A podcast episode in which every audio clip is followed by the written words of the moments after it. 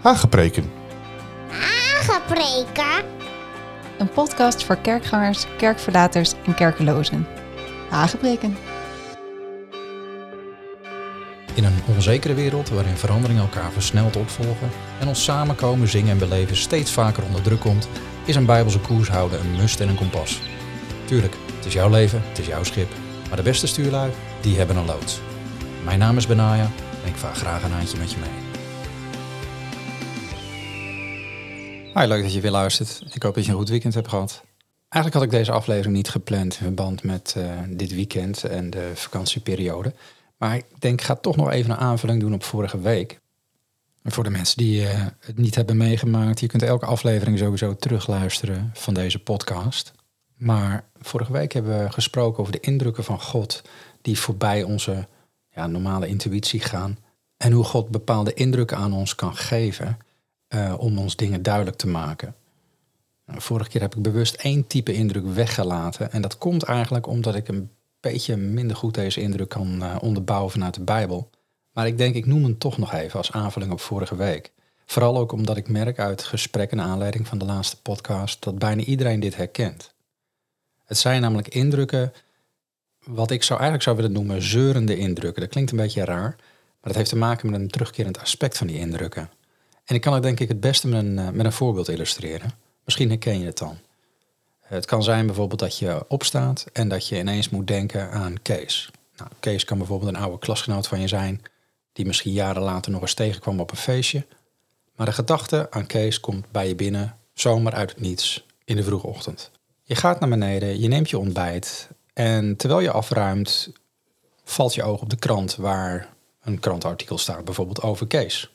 Van der Staaij, weliswaar, maar toch komt Kees dan met het woordje Kees weer terug in je gedachten bij het zien van dezelfde naamgenoot. Je denkt er niet meer aan, je stapt in de auto, je luistert naar de radio op weg naar waar je ook heen gaat. En dan zap je langs een item op Radio 1 bijvoorbeeld van Kees van Koten. Maar nog gaat er een belletje rinkelen.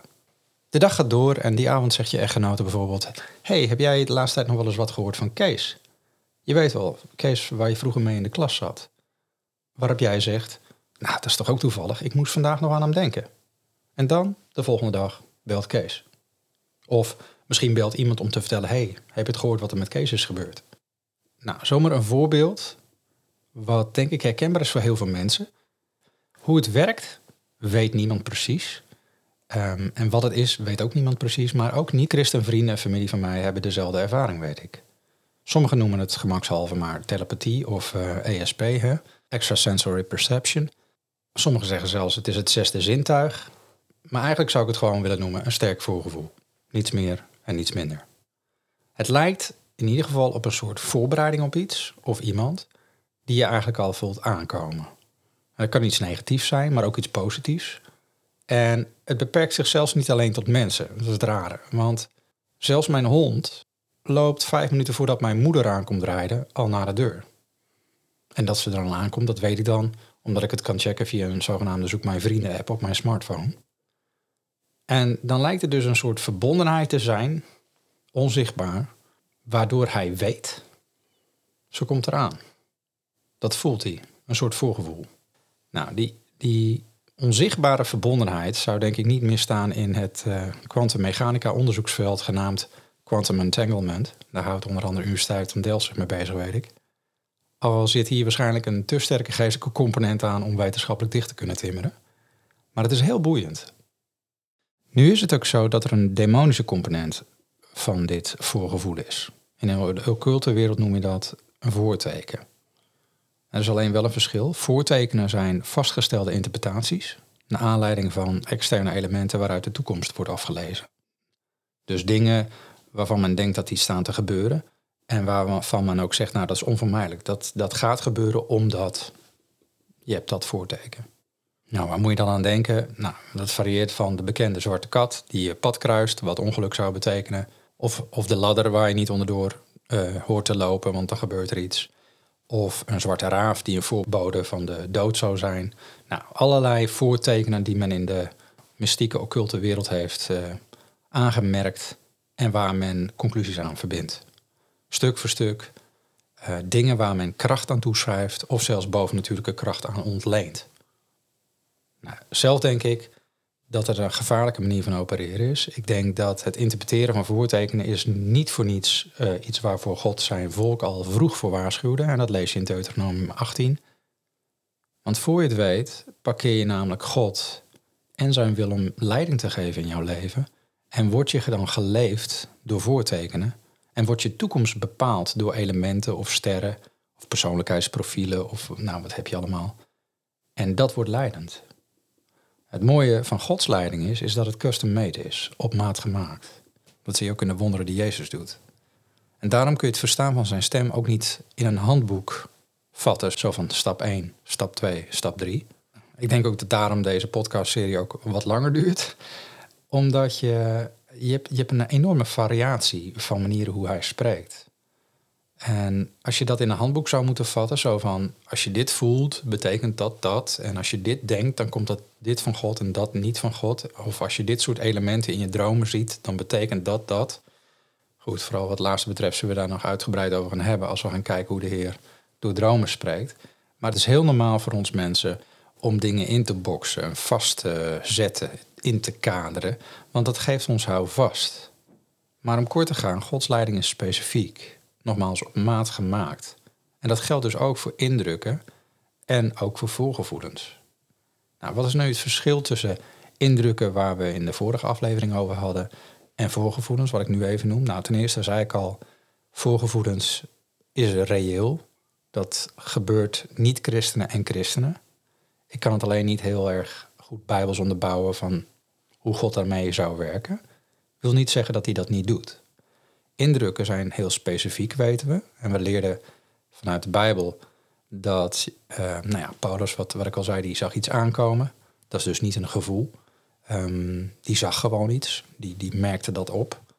Uh, je las van Jezus dat hij zijn geest in beroering raakte. Van Paulus dat zijn geest werd geprikkeld. Of dat de Heilige Geest Paulus ergens toe aanzette. Nou, voorgevoelens zijn echt gevoelens die zich blijven herhalen.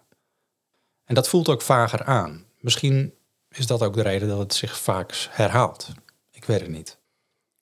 Voortekenen, zoals bekend uit het occultisme, zijn toekomstduiders of toekomstaanduiders. En die hebben weer een voorspellend karakter. Waarbij het belangrijk is op te merken dat het teken zelf leidinggevend is op basis van hoe het geïnterpreteerd wordt. En voortekenen zijn daarom ook beslist niet hetzelfde als bijvoorbeeld profetie uit de Bijbel. Want profetieën werden gegeven als een specifiek woord voor een specifieke situatie, binnen een specifieke setting en ook voor een specifieke doelgroep. En dat is dus niet te veralgemeniseren. Het is niet iets wat altijd geldt. En dat is ook de reden dat je voorzichtig moet zijn om bepaalde profetieën uit het Oude Testament zomaar te pakken en te plakken op je eigen leven of op onze tijd. En dat gebeurt wel heel veel. Een woord kan passen binnen een situatie die lijkt op, het, op, uh, op iets wat we nu meemaken. Maar als de setting en de doelgroep waar het tegen werd gesproken expliciet is vernoemd in de Bijbel, kun je dat niet zomaar één op één doorvertalen, met gevolgen en alles eraan vast. En dat gebeurt wel vaak in christelijke kringen. Maar wat doe je nu als je van die herhaaldelijke voorgevoelens krijgt? Bijvoorbeeld over de toekomst, of over bepaalde personen of situaties, of misschien in dromen. Nou, ik denk dat het ten eerste belangrijk is je te realiseren dat we niet worden geleid door gevoelens of de emoties die erbij komen. Vanuit dat perspectief gezien is het denk ik niet de bedoeling dat we onszelf gaan bekwamen op het gebied van voorgevoelens. Zo van voortdurend intern scannen van wat pak ik nog meer op of wat voel ik nog meer, wat staat er te gebeuren. En Spreuken 3, vers 5 zegt heel duidelijk: Vertrouw op de Heer met je hele hart en steun niet op je eigen inzicht. Ken Hem in al je wegen en Hij zal je paarden recht maken. We worden als christenen geleid door de Heilige Geest. En die leidt ons in alle waarheid, zegt het woord van God. En hij zal ook ons de toekomst verkondigen. Daar hebben we dus niet voorgevoelens voor nodig. En krijg je zo'n voorgevoel, dan is het denk ik gewoon belangrijk dat je het herkent van hé, hey, een voorgevoel. Dat betekent niet dat je bezig bent een zesde zintuig te ontwikkelen of dat je telepathische bekwaamheden hebt. Het is een voorgevoel. Nou, blijf dat voorgevoel aanhouden of komt het met regelmaat terug? Zo van er, er klopt iets niet, of er is iets niet juist, of misschien gevoelens van bepaalde doemscenario's, dan is de beste reactie denk ik gewoon om in gebed te gaan. Het kan namelijk zijn dat de Heilige Geest je iets probeert te zeggen of je probeert te waarschuwen. Dat kan. Het kan ook zijn dat onze tegenstander, en de Bijbel spreekt ervan dat wij een tegenstander hebben, Satan, dat hij je probeert schrik aan te jagen of te doen geloven dat je gedoemd bent om te falen of ziek te worden of dood te gaan enzovoort. Satan, dat lezen we ook in de Bijbel over Jezus, is een meester in het suggesties geven aan wat de mogelijkheden zijn. Dat, dat lees je als Jezus in de woestijn komt, dan zegt hij ook van, joh, kijk eens, je hebt stenen, zou je er geen brood van maken? Hij zal altijd suggesties geven. Maar dat kan positief klinken, uh, maar het, het leidt altijd tot iets negatiefs. En als dat gebeurt, als er voortdurend een doemscenario gevoel bij je binnenkomt, dan zou ik zeggen, 1 Petrus 5 en 7, werp al je zorg op hem, want hij zorgt voor je. Ga er niet in mee. Want God heeft een hoop voor je en een toekomst. Maar het kan ook zijn dat er iets met regelmaat bij je terugkomt, omdat God juist wil dat je in gebed gaat voor iets of voor iemand. Ik heb het regelmatig gehad, ik weet ook van vrienden van mij die het regelmatig hebben gehad, dat iemand voortdurend in je gedachten komt. En dat God eigenlijk wou zeggen, bidden, kom op, bidden, die persoon heeft jou nodig. Hoe dan ook, wat voor voorgevoel je ook krijgt, ik denk dat het goed is om te bedenken dat als de Heilige Geest het nodig vindt om ons te waarschuwen, dan zal Hij dat sowieso wel doen op een manier die wij kunnen pakken. En dat geldt eigenlijk voor het hele spectrum van het verstaan van Gods stem. En daarom moet je ook niet in een kramp raken als je denkt van, oh jongens, kan ik, kan ik Gods stem wel te pakken krijgen? Bijna, je vertelt een heleboel manieren, maar ik heb er nog geen grip op. Maakt niet uit. God heeft er meer belang bij dat jij zijn stem verstaat, als dat jij dat hebt. Het is in die zin als een soort rekensom. misschien kun je dat op die manier zou je het kunnen zien, dat God je wil leiden tot het antwoord van een rekensom.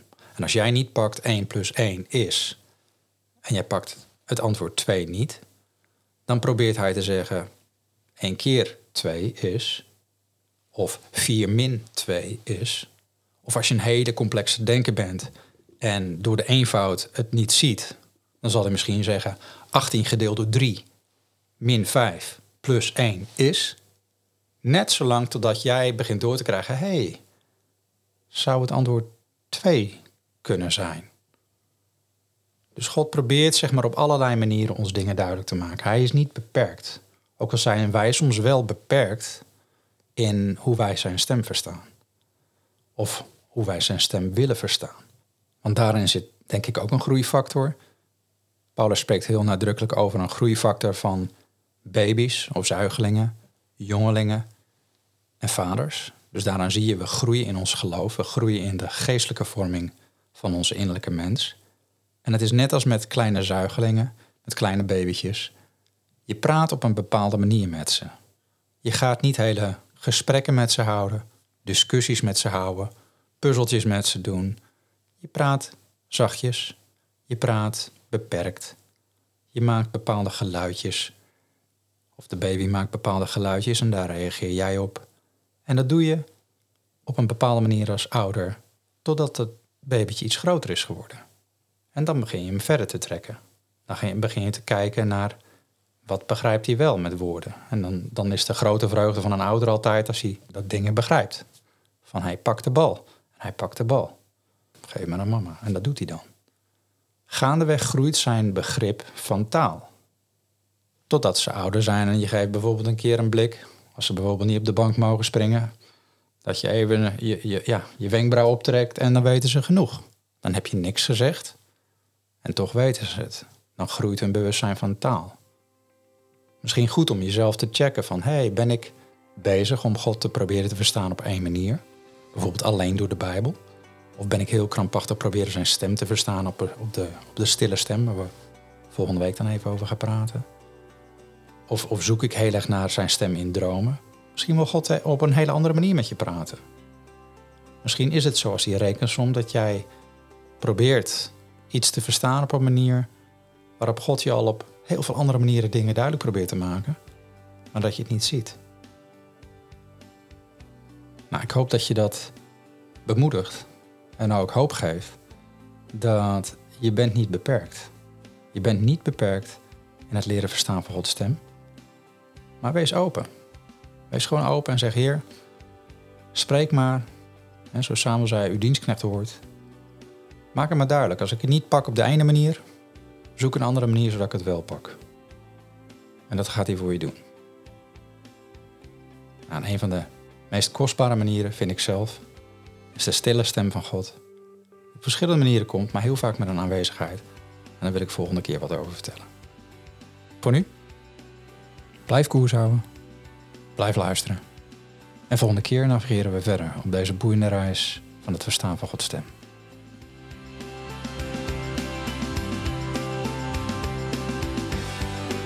Heb je vragen? Heb je aanvullingen? Surf even naar benaaien.nl. Dan word je doorgeloodst naar een contactformulier. En dan weet je me te vinden. Ik hoor graag van je.